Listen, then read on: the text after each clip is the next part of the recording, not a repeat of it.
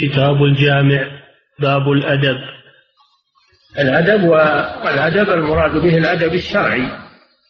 الأدب الشرعي وهو ما يتعلق بمكارم الأخلاق ومحاسن الأعمال وما ينبغي للإنسان أن يفعله وما ينبغي له أن يتركه.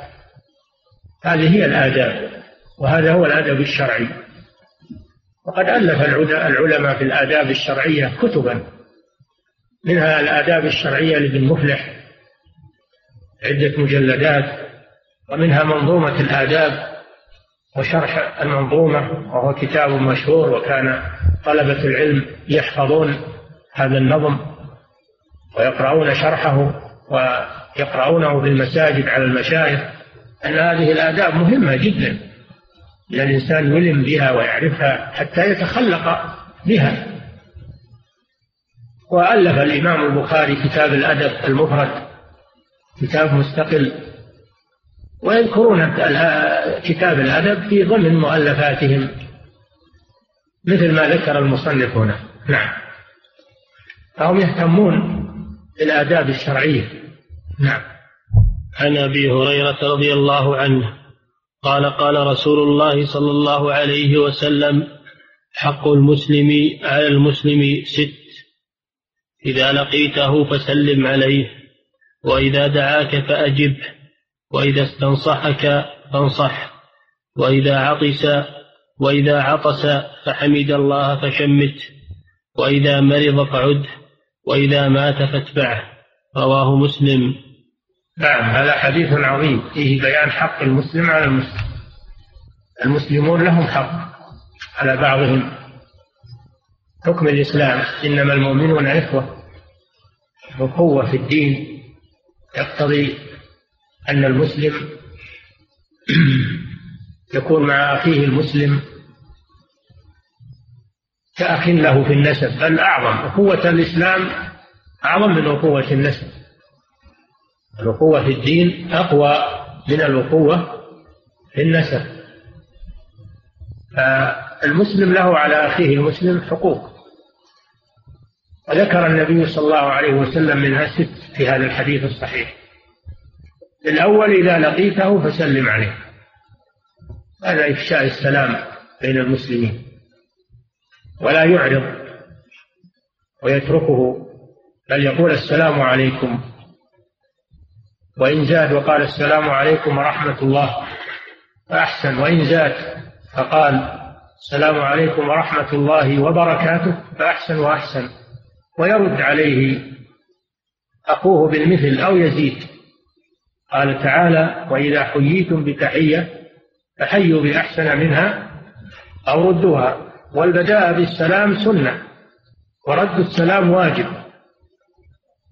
وإذا حييتم بتحية فحيوا بأحسن منها أو ردوها. هذا واجب الرد واجب. والبداء سنة متأكدة. وهي من حقوق المسلمين بعضهم على بعض. حتى ولو كان بينهم شيء من آه لو كان بينهم شيء من الشحنة أو من ما في النفوس من غضب أو غير ذلك مما يؤثره الشيطان بينهم شياطين الإنس والجن فعلى علي على المسلم أن يسلم على أخيه المسلم وإن كان بينه وبينه قطيعة وخيرهما الذي يبدأ بالسلام. يتلاقيان فيعرض هذا ويعرض هذا وخيرهما الذي يبدأ بالسلام. تسلم عليه ولو كان بينك وبينه سوء تفاهم. وهذا يذهب الحقد ويزرع المودة في القلب. أما الإعراض وعدم السلام فهذا يزيد. التهاجر والتباغض فهذا السلام فيه مصالح عظيمة. ومعناه الدعاء. السلام عليكم معناه الدعاء. السلام من أسماء الله سبحانه وتعالى. فإذا قلت السلام عليكم أي اسم الله عليك وبركته عليك وأن يسلمك الله من الآفات فالله هو السالم والمسلم سبحانه وتعالى. وقيل السلام المراد به هنا الدعاء له بالسلامة. السلام عليكم يدعو له بالسلامة من الآفات. فله معنيان أنه من أسماء الله أو أنه دعاء بالسلامة. على كل حال هو لفظ عظيم. ولا يقول مثل ما يقول الناس الآن بل خير أو كيف أصبحت؟ أو ما أشبه ذلك لا يأتي بالسلام بلفظ السلام. قال صلى الله عليه وسلم أفشوا السلام بينكم. يقول السلام عليكم. وإذا زاد على ذلك وقال كيف حالك؟ كيف أصبحت؟ وما أشبه ذلك. هذه زيادة خير. أما أنه يستغني بذلك عن السلام فهذا نقص. هذا نقص فيما شرع الله سبحانه وتعالى. إذا لقيته فسلم عليه. وكان الصحابة رضي الله عنهم إذا لقي أحدهم الآخر سلم عليه. فإذا افترق حالت بينهما شجرة أو أو جبل أو شيء ثم تلاقيا سلم سلم بعضهم على بعض. من حرصهم على إفشاء السلام. هذا واحد. إذا لقيته فسلم عليه. الثاني إذا دعاك فأجبه. إذا دعاك أخوك المسلم إلى وليمة فأجبه أو دعاك إلى أي شيء ليس فيه محذور. دعاك إلى أي شيء ليس فيه محذور فأجبه لما في ذلك من آه، تطيب خاطره. إلا أن إجابة الدعوة لوليمة العرس واجبة وأما إجابة الدعوة لغيرها فمستحبة مستحبة. إذا دعاك فأجبه. وإذا استنصحك فانصحه. إذا استشارك في شيء إذا استشارك في شيء على زواج على سفر على شراء شيء شراء سلعة فإنك تذكر له ما تعلم من النصيحة ولا تكتم النصيحة عنه. إذا استنصحك يعني طلب منك النصيحة في شيء هل هو خير له أو شر له فإنك تبين له ولا تجامع أو تغش وتشير عليه بالضرر. هذه خيانة لأخيك. قال صلى الله عليه وسلم الدين النصيحة الدين النصيحة. الدين النصيحة قلنا لمن يا رسول الله؟ قال لله ولكتابه. ولرسوله ولأئمة المسلمين وعامتهم. فإذا طلب منك النصيحة يعني استشارك في شيء مشكل عليه فبين له وجه الصواب في حدود ما تعرف ولا تكتمه شيئا. لا تكتم عليه شيئا. وليس هذا من باب الغيبة. إذا استشارك في شخص يريد أن يشاركك أو أن يزوجه أو أن يسافر معه فبين ما في هذا الشخص من خير أو شر. وليس هذا من الغيبة بل هذا من النصيحة. فإذا استنصحك فانصحه وإذا عطس فحمد الله فشمته. العطاس نعمة من الله عز وجل لأنه عبارة عن أبخرة مختزنة في الدماغ لو بقيت ضرت الإنسان. فإذا خرجت خف الجسم وزال عنه هذا الضرر فهو نعمة من الله عز وجل. وقد يكون مرضا إذا كان زكاما هذا نوع من المرض. والمصاب بالزكام لا يشمت بل يدعى له بالعافية. المصاب بالزكام يدعى له بالعافية لا يشمت إذا إذا عطس ثلاث مرات. الأولى شمتة الثانية شمتة الثالثة شمتة الرابعة تدعو له بالشفاء لأنه مزكوم هذا هو التشميت أو التسميت بالسين. ويقولون أصله بالسين من الدعاء له بحسن السمت بحسن السمت. ف وانقلبت السين إلى شين وقالوا تشميت ومعناه أن تقول له يرحمك الله لكن بشرط أن يحمد الله. فإذا حمد العاطس الله قال الحمد لله فإنك تشمته. وإن لم يحمد الله فلا تشمته. وما مناسبة حمد الله بعد العطاس؟ ذكرنا لكم أن العطاس نعمة من الله عز وجل. لخروج هذه الأدخرة الضارة من رأسه. فهذه نعمة من الله يحمد الله عليها فيقول الحمد لله. فإذا قال الحمد لله تشمته بقولك يرحمك الله. ثم هو يرد فيقول يهديكم الله ويصلح بالكم. هذا هو المشروع في العطاس. أولا العاطس يحمد الله. ثانيا أخوه يشمته فيقول يرحمكم الله. ثم هو يرد فيقول يهديكم الله ويصلح بالكم. ما أطيب هذه الكلمات وما أحسنها. وإذا عطس فشمته. وإذا مرض فعده. إذا مرض صابه مرض فإنك تعوده لأجل التوسعة عليه وتطيب خاطره والدعاء له بالشفاء. لأن زيارة المريض لها تأثير عليه في طيب النفس وانشراح الصدر ولأنه في مرض وفي ضيق فإذا جاءه أخوه نفس عنه بلا شك.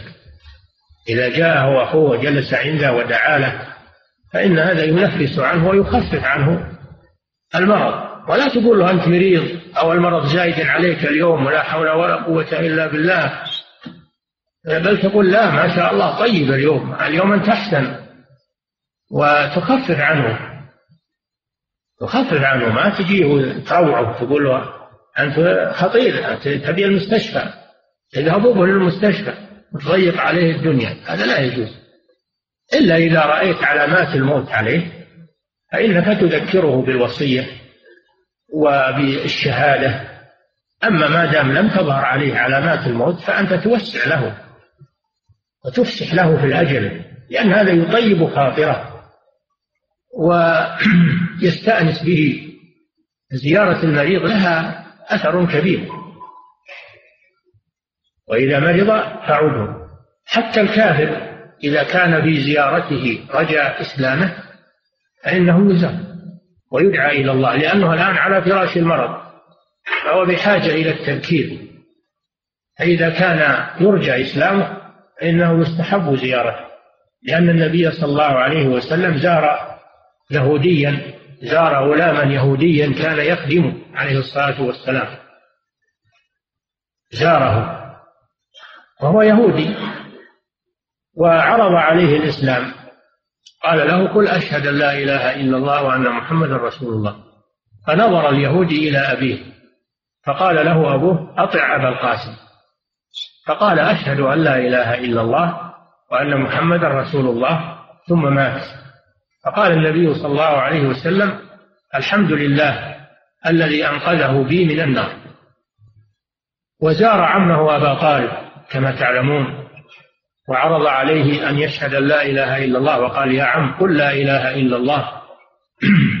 كلمة أحاج لك بها عند الله لولا ما عنده من آه، الجلساء السيئين الذين قالوا له أترغب عن ملة عبد المطلب. كرر عليه الرسول صلى الله عليه وسلم. فكرر عليه أن يبقى على ملة عبد المطلب. فجامل معهم وقال هو على ملة عبد المطلب. ومات على ذلك. الشاهد من هذا أنه تستحب زيارة المريض حتى ولو كان كافرا يرجى إسلامه لأنه في هذه الحالة أقرب إلى الإجابة. لما أصابه من المرض وقرب الموت أقرب إلى الإجابة. وإذا مات فاتبع جنازته. اتباع جنازة الميت المسلم هذا من السنة. تشييع الميت الصلاة عليه وتشييعه وحضور دفنه هذا من حق المسلم على المسلم. لأنك إذا صليت عليه ودعوت له ومشيت معه وحضرت دفنه وأيضا دعوت له بعد الدفن استغفرت له بعد الدفن وقمت على قبره. كل هذا ينفع أخاك المسلم. ومن صلى على الجنازة فله قيراط من الأجر ومن صلى عليها وتبعها حتى تدهن فله قيراطان والقيراط مثل الجبل العظيم من الأجر. فهذه أمور ينبغي للمسلم أن يحتفظ بها وأن يداوم عليها مع إخوانه المسلمين أحياء وأمواتا. حتى الميت له عليك حق. الميت له عليك حق بالصلاة عليه والمشي مع جنازته وحضور دفنه. كل هذا وربما أن أنك إذا حضرت إن أنه يحسن دفنه ويدفن على الصفة المشروعة. قد يكون معه جهال ولا يحسنون الدفن فأنت توجههم إلى الدفن على الوجه الصحيح حضورك فيه لا سيما طلبة العلم حضورهم فيه خير للميت. وفيه أيضا في تشييع الجنازة أيضا آه، إحسان إلى أهل الجنازة. أهل الجنازة يفرحون بمن يشيعها ومن يحضرها ففيه إحسان إلى أهل الميت وإحسان إلى الميت ولكن الإحسان إلى الميت أكثر. فهذه حقوق بين المسلمين هذه الستة يجب المحافظة عليها. ودل هذا الحديث على أن على أن المؤمنين إخوة على أن المؤمنين إخوة. وموجب هذه الأخوة هذه الأعمال الطيبة فيما بينهم. ولا يكون بينهم حزازات أو بينهم بغضاء أو شحنة. هذه مما يزيل هذه الحزازات وهذه البغضة والشحنة بين المسلمين. نعم. صلى الله عليه وسلم انظروا إلى من هو أسفل منكم ولا تنظروا إلى من هو فوقكم فهو أجدر ألا تزدروا نعمة الله عليكم. متفق عليه. في الحديث الأول جملة من الآداب وهي هذه الستة. وفي هذا الحديث أدب آخر وهو أن الإنسان لا يرغب في هذه الدنيا. ولا يجزع مما أصابه بل يصبر ويحتسب سواء كان فقيرا أو مريضا أو غير ذلك. فالدنيا دار ابتلاء فلا يجزع من المصائب ومن الابتلاء. والذي يسهل عليه ذلك ما أرشد إليه النبي صلى الله عليه وسلم في هذا الحديث. انظروا إلى من هو دونه ولا تنظروا إلى من هو فوقه فإنه أجدر ألا تزدروا نعمة الله عليكم فالفقير ينظر إلى من هو أفقر منه ولا ينظر إلى الغني بل ينظر إلى من هو أفقر منه. ولو شاء الله لجعلك مثل هذا الفقير الذي ليس عنده شيء. أنت عندك بعض الشيء وما عندك ما يعيشك وهذا الفقير ما عنده شيء أو عنده نقص في المعيشة. أن تحسن منه احمد الله على هذا. ولا تنظر إلى الأغنياء لأن هذا يحملك على السخط على الله وعدم الرضا بقضاء الله. تقول ليش ما صرت مثل فلان مثل الأثرياء؟ هذا معناه أنك تزدري ما عندك من النعمة. أما إذا نظرت إلى ما تحتك فهذا يبعثك على الشكر وأنك أحسن الناس. أما إذا نظرت إلى ما مع الأغنياء فإن هذا يحملك على كفران النعمة وعلى تسخط لقضاء الله وقدره. الصحيح ينظر إلى المريض والمريض ينظر إلى من هو أشد منه مرضا. الصحيح ينظر إلى المريض فيحمد الله على الصحة. والمريض ينظر إلى من هو أشد منه مرضا فيحمد الله على خفة المرض. هذه قاعدة عظيمة انظروا إلى من هو دونه في المال في الصحة في غير ذلك من الأمور. إلا في أمور العبادة. أمور العبادة لا تنظر إلى من هو دونه. لا تنظر إلى الكسالى والمضيعين بل انظر إلى الأبرار وإلى الأتقياء. فلأجل أنك تشاركهم أو تتشبه بهم ففي أمور الدين لا تنظر إلى من هو دونك بل تنظر إلى من هو فوقك في الدين. لماذا لا تكون مثله؟ لماذا لا تقتدي بالصالحين؟ لماذا لا تقتدي بالعلماء تطلب العلم؟ إذا كنت طالب علم فلا تقنع بما عندك من العلم بل انظر إلى من هو أعلم منك. أطلب العلم وتزود ففي أمور الدنيا انظر إلى من هو دونك. وفي أمور الآخرة انظر إلى من هو أعلى منك. هذا هذه قاعدة عظيمة يسير عليها المسلم في حياته. والله تعالى أعلم وصلى الله وسلم على نبينا محمد على آله وصحبه. فضيلة الشيخ هل للسيد أجر في مكاتبة عبده؟ وهل أجره كالعتق؟ نعم. له أجر في ذلك أن الله قال والذين يبتغون الكتاب مما ملكت أيمانكم فكاتبوه. فإذا أطاع أمر الله له الأجر في ذلك. ولأنه أعان السيد على الحرية. نعم. فضيلة الشيخ ما المقصود بأن أم الولد بأن أم الولد تعتق من جميع ماله؟ يعني ما تخرج من الثلث. لا تخرج من الثلث فقط وإنما تعتق من جميع المال. فلا يكون هناك ميراث إلا بعد عتقها. نعم. فضيلة الشيخ ما رأيكم في من يقيس السائق والخادمة على العبد والأمة؟ هذا غلط. السائق والخادمة هؤلاء أحرار وأجانب ليسوا ملكا للمستاجر. بل بعضهم سمعنا أنه أنه يستمتع بالخادمة ويقول هذه ملك يمين. هذا زنا والعياذ بالله. هذا زنا. هذه ليست ملك يمين هذه أجنبية حرة.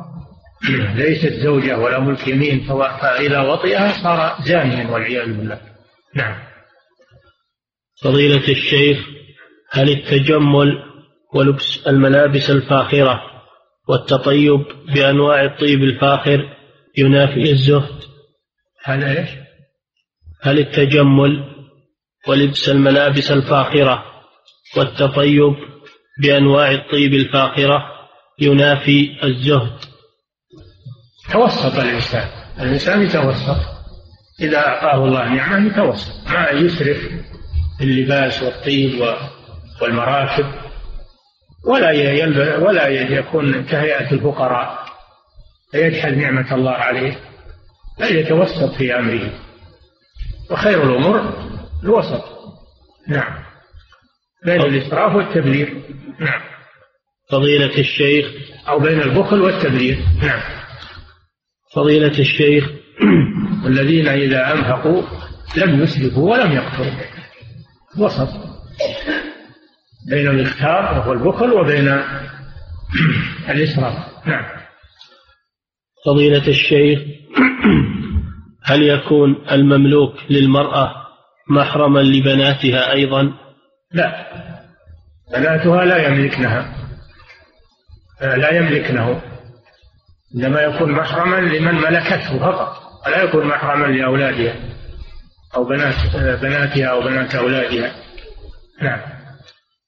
فضيلة الشيخ هل ورد حديث عن الرسول صلى الله عليه وسلم بلفظ من لم يبدأكم بالسلام فلا تجيبوه ما أعرف هذا. ما أدري. نعم. فضيلة الشيخ من يرد السلام ويقول وعليكم السلام والرحمة. فهل هذا جائز؟ نعم جائز. إذا قال عليكم السلام ورحمة الله أحسن من عليكم السلام والرحمة وعليكم السلام ورحمة الله نعم. ولكنه جائز وعليكم السلام والرحمة هذا جائز. نعم. فضيلة الشيخ ما حكم الاحتفاظ بصورة أو صورتين؟ لي وأنا صغير للذكرى. لا يجوز الاحتفاظ بالصور. لا لك ولا لغيرك للذكريات لأنه يحرم اقتناء الصور ووجودها في البيوت إلا للضرورة. نعم. فضيلة الشيخ يقول السائل تأخر إمام أحد المساجد عن الحضور فأما الناس أحدهم ولما توسط الفاتحة حضر الإمام وسحب الذي يصلي بالناس ثم استأنف الصلاة من جديد. فقال بعضهم إن لفعله هذا أصل في الشرع. فهل هذا صحيح؟ علما أنه دائم أنه دا أنه دائم التخلف عن إمامة الناس. نعم إذا حضر الإمام فله أن يتقدم ويتأخر الخليفة ويبني على ما يبني على ما بدأ به. خليفته ولا يستأنف الصلاة من جديد. وقد جاء النبي صلى الله عليه وسلم وأبو بكر يصلي بالناس فتخلف تأخر أبو بكر وتقدم النبي صلى الله عليه وسلم. فيجوز هذا هذا العمل يجوز لمن عنده فقه ومعرفة أن يطبقه. أما اللي ما عنده معرفة بالتطبيق فلا فلا يجوز له أن يشوش على الناس. نعم. فضيلة الشيخ إذا كان المريض من أصحاب الكبائر فهل أذكره بالتوبة والقبر؟ التذكير بالتوبة طيب حتى للصحيح حتى الصحيح يقولون تب إلى الله استغفر الله. والمريض تقول تب إلى الله واستغفر الله. ولا تشعره بأن بأنك ترى أنه آه، يتوقع موته. بل تقول أن التوبة طيبة والاستغفار طيب حتى ولو كان الإنسان صحيحا معافى من الذنوب. نعم. فضيلة الشيخ امرأة حاضت في الحج ولما انقطع الدم اغتسلت وأدت الطواف والسعي. وأيضا إذا قلت له الاستغفار والتوبة ربما أن هذا سبب للشفاء إن الله يشفيك وأن ما أصابك من المرض عقوبة. فإذا استغفرت الله وتبت إليه إن الله يشفيك. هذا من أسباب الشفاء أيضا. نعم. فضيلة الشيخ امرأة حاضت في الحج ولما انقطع الدم اغتسلت وأدت الطواف والسعي حيث أنها لا ترى القصة البيضاء. وبعد أداء السعي رأت كدرة فهل عليها شيء؟ نعم معناها أنها طافت قبل أن ينقطع الحيض. استعجلت قبل أن ينقطع الحيض. طوافها غير صحيح. عليها أن تعود وتأتي بالطواف والسعي. نعم. فضيلة الشيخ تقول السائلة ما حكم لبس العدسات الملونة لضعف النظر ولا تقصد التشبه بالكافرات؟ لماذا تكون ملونة؟ التلوين هذا ليس له داعي. أما أن تلبس عدسات تقوي النظر للحاجة فلا بأس بذلك. لكن ما تكون ملونة. نعم. فضيلة الشيخ هل يجوز للمملوك أن يطأ سيدته؟ لا لا يجوز هذا. لا يجوز للمرأة أن تتزوج بمملوكها. هذا حرام. ولا يجوز. وهو زنا لو فعلته كان زنا. نعم إنما العكس. السيد هو الذي يتسرى بمملوكته. وأما المرأة فلا تتمتع بمملوكها لا بوطء ولا بعقد لا تعقد عليها. نعم. فضيلة الشيخ رجل مرض فأمره الطبيب بشرب لبن الحصان وأكل لحمه فما حكم ذلك؟ نعم الخير حلال. الخير حلال على الصحيح. وما كان حلالا فيجوز شرب لبنه والتداوي ببوله. لا بأس بذلك لأن الخير حلال. نعم. فضيلة الشيخ إذا لم يحمد العاطس فهل لي أن أذكره أم لا؟ طيب إذا ذكرته وقلت له أحمد الله علشان نشمك هذا طيب. نعم. لأنه ربما أنه ناسي ولا جاهل. فتعلمه الأدب الشرعي. نعم. فضيلة الشيخ رجل دعي إلى معصية فقال ما عاد الله إنه ربي أحسن مثواي. فهل قوله هذا جائز؟ طيب إذا امتنع واستعاذ بالله فهذا شيء طيب. يقول بقول يوسف عليه السلام هذا من باب الاقتداء هذا من باب الاقتداء بالأنبياء هذا شيء طيب. نعم. فضيلة إنه ربي أي الله عز وجل. لأن الآية فيها احتمال أنه ربي أن يوسف عليه السلام يعني الله. ويحتمل أنه يعني سيده مالكه يسمى المالك يسمى ربا. فيحتمل هذا وهذا. فهو أخذ بالاحتمال الأول أنه ربي أي الله جل وعلا. نعم. فضيلة الشيخ. وهذا سؤال من شبكة الإنترنت. يقول فيه السائل هل يجوز للأخ أن يعطي الزكاة لأخته لأن أباها عاجز عن النفقة وما هو ضابط الفقر؟ إذا كانت هذه الفتاة عند أبيها وأبوها فقير تعطي. فلا, فلا تعطيه الزكاة لكن تعطيه من مالك. تعطيه من مالك لأن زكاة الفرع لا تحل للأصل. والعكس كذلك لا تحل زكاة الأصل للفرع. وإذا كان أحدهما فقيرا والآخر غنيا يجب عليه أن ينفق عليه من ماله ولا يعطيه الزكاة بدلا من الإنفاق. نعم. وكذلك يقول هل يجوز إعطاء الزكاة للزوجة المقصر زوجها في النفقة عليها؟ إذا كان زوجها فقيرا فتعطي الزوج المنفق ينفق عليها. أما إذا كان انه غني ولكنه لا ينفق عليها يمنع النفقة عنها ظلما وعدوانا وهي بحاجة فلا بأس أن تعطيها. نعم. فضيلة الشيخ من المتعارف عند الناس أن الشخص إذا عطس ثلاثا شمت وإذا عطس في الرابعة قيل له شفاك الله أو عافاك. هذا هو السنة. نعم هذا هو السنة. نعم. فضيلة الشيخ هل يسلم على تارك الصلاة أم لا؟ إذا كان يرجى قبول النصيحة ويرجى توبته يسلم عليه لأن هذا مما يسبب قبوله والمحادثة معه. أما إذا كان أنه مصر على ترك الصلاة ولا يقبل النصيحة فلا تسلم عليه. نعم. فضيلة الشيخ يقول السائل انتشر في الآونة الأخيرة مواكبة للوضع الفلسطيني رسم الأطفال والشباب لعلم فلسطيني في وجوههم وأيديهم. فهل هذا الفعل جائز؟ التصوير لا يجوز. التصوير حرمه النبي صلى الله عليه وسلم ولعن المصورين وأخبر أنهم أشد الناس عذابا يوم القيامة. فلا يجوز فعل التصوير وهو كبيرة من كبائر الذنوب. والذي يريد أن يساعد الفلسطينيين والمحتاجين بدون تصوير ومعروفة حالهم ومعروف فقرهم وأن وأن اليهود ظلموهم فيساعدهم بدون تصوير يذكر حالهم ويبين الأغنياء حالة هؤلاء وما يجري عليهم بدون تصوير نعم. فضيلة الشيخ إذا خرج المسلم للجنازة حياء فقط أو مجاملة فهل يؤجر؟ في الصلاة عليها واتباعها.